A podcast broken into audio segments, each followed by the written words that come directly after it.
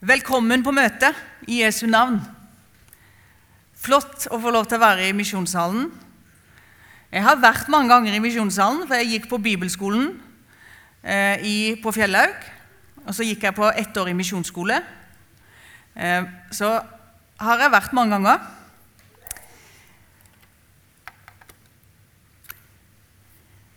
I dag har vi en eh,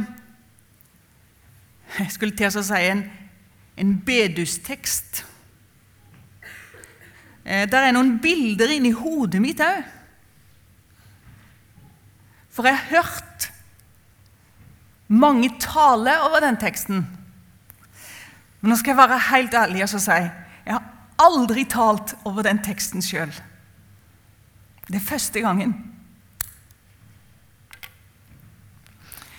Jeg har ei venninne i Bolivia som nå er enke. Hun hadde en tøff barndom, eh, og det var mange kamper. Hun gifter seg, og så skjer det tragiske at mannen dør i en bussulykke. Jeg snakka med henne dagene etter at dette skjedde.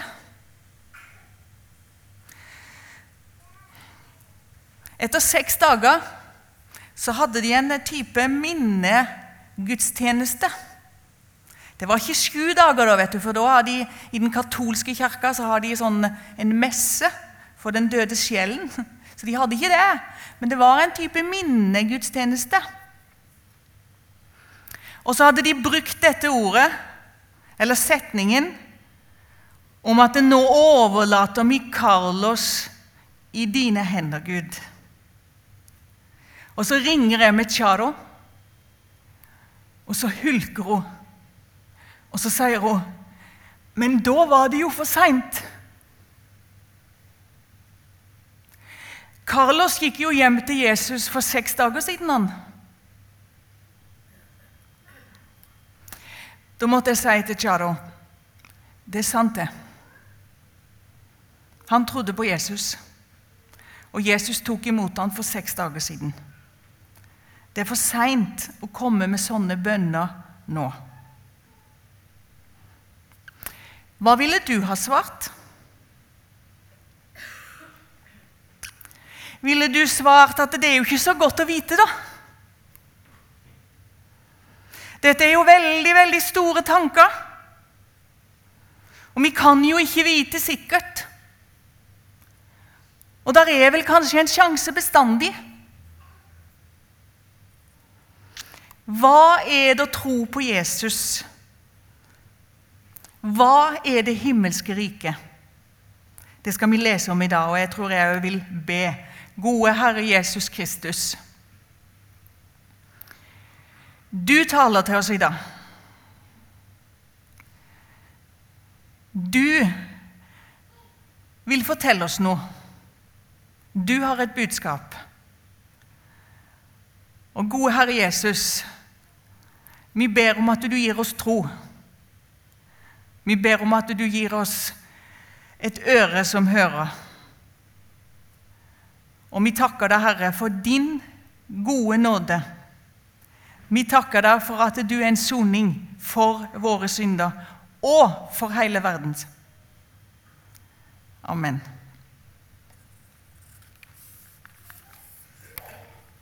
I dag så skal vi lese lignelsen om de ti brudepikene. Og Da kan dere reise dere hvis det er det dere pleier. Da kan himmelriket sammenlignes med ti brudepiker som tok oljelampene sine og gikk ut for å møte brudgommen. Fem av dem var uforstandige, og fem var kloke. De uforstandige tok med seg lampene sine, men ikke olje. Men de kloke tok med seg kanner med olje sammen med lampene. Da det trakk ut før brudgommen kom, ble de alle trette og sovnet. Men ved midnatt lød et rop. Brudgommen kommer! Gå og møt ham! Da våknet alle brudepikene og gjorde lampen i stand. Men de uforstandige sa til de kloke.: Gi oss litt av oljen deres, for lampene våre slukna. Nei, svarte de kloke. Det blir ikke nok til både oss og dere.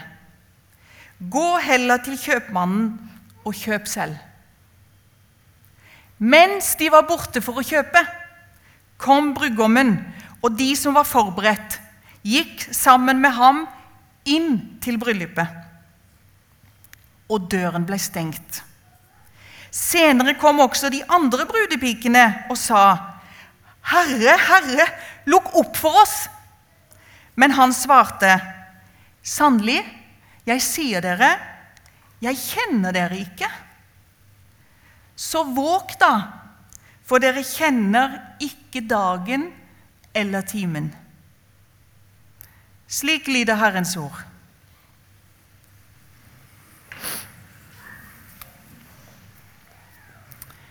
Disiplene spurte en gang Er det få som blir frelst, Jesus? Ja, De syntes nesten de måtte spørre om det. var han snakka liksom som om det skulle være sånn. Himmelriket blir sammenligna med et bryllup. Det er en fest. Det er en gjenopprettelse av paradiset. Og så var det ti brudepiker. Ti som sa ja. Det var ti brudepiker som venta. Det var ti brudepiker som sovna. Det var ti brudepiker som hadde med lamper. Men det var bare fem som hadde med ekstra olje. Og det var den store, store forskjellen. For alle ti hørte jo ropet ved midnatt. Brudgommen kommer, gå og møt ham. Og da skulle de jo være klare og så tenne lampene og så gå sammen med brudgommen og kanskje bruden til der det skulle feires. Alle ti våkna. Alle ti gjorde lampene i stand. Men fem våkna for seint.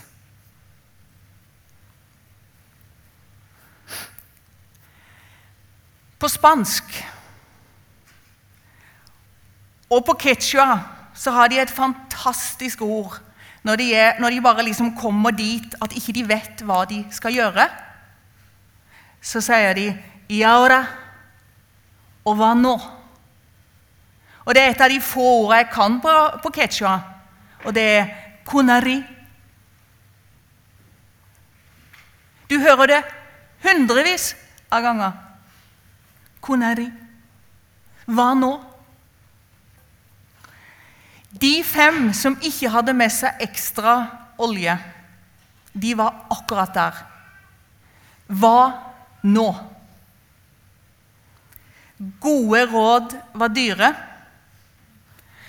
Og det første de kom på, det var 'del med oss'. Men det viser seg jo at denne her olja det, det, det, var den som var den store forskjellen. Og det står jo kanskje ikke helt, helt sånn eksplisitt hva det var. Men det var, det var troen, det var ånden, det var fellesskapet med Gud. Det var noe personlig. Og det kunne de på en måte ikke bare eh, ta ut og så, og, og så dele. For det måtte de få tak på sjøl. Vi har en personlig Gud, som har et personlig forhold til en person. De fem ukloke de ville ha et personlig forhold til Gud gjennom andre personer. Men det går ikke an. Og det sa de fem kloke. Da blir det ikke nok. Dere må gå og kjøpe sjøl. Hvis du leser denne teksten når du kommer hjem I løpet av de 50 siste orda så står det noen setninger som, som vi egentlig ikke bruker så veldig ofte. Og vi har lyst til å tenke oss veldig godt om, og det er jo bra. For i løpet av de 50 siste orda så står den setningen 'Døra er stengt'. Og det står òg 'Herre, lukk opp for oss'. Og det står 'Jeg kjenner dere ikke'. Så våg, da, for dere kjenner ikke dagen eller timen.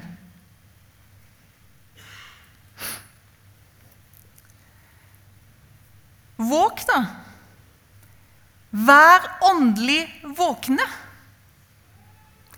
Vær beredt til Jesus kommer igjen. En dag så blir døra stengt til himmelriket.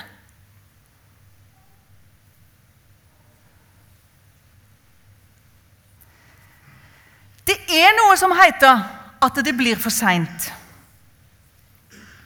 Det er en virkelighet at det er noe som heter å være på utsida av Guds rike å være inne i Guds rike.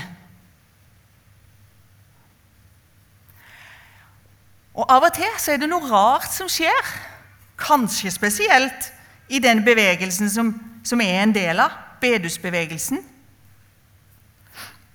For hvis jeg sier det en plass, og det blir sånn veldig tydelig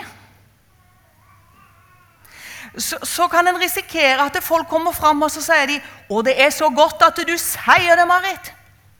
'Det er så viktig at det blir sagt.' Og det er det jo noe rett i. Men samtidig så, så er det vel en, en litt annen dynamikk og reaksjon som er viktigere enn at en sitter og bekrefter hverandre på rette teologiske meninger. Hvis noen nå kom inn og så sa ja, Før het det SAS-hotellet. Og hvis de sier 'SAS-hotellet brenner', så er ikke det første vi sier 'så godt at du sa det'.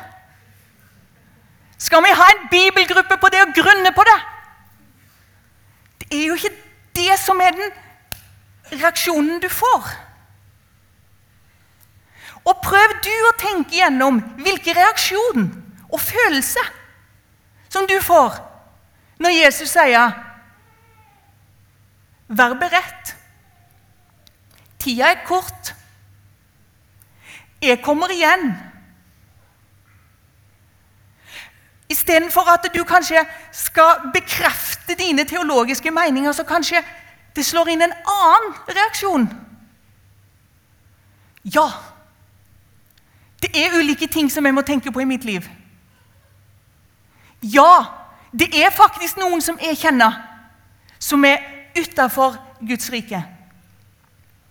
Ja, vi må hjelpe hverandre som brødre og søstre til å ha olje på lampa, til å ha troen. I dag er nådens tid. I dag er frelse å finne. Og så er det faktisk sånn at Guds nåde har en, en tidsavgrensning. En dag så er det ikke nådens tid. Jesus Kristus kommer tilbake. Han kommer som frelser for noen, og han kommer som dommer for noen. Du som tror på Jesus. Når jeg sier 'Jesus kommer snart tilbake',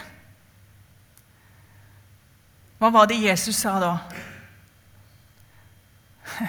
Da kan dere løfte hodene.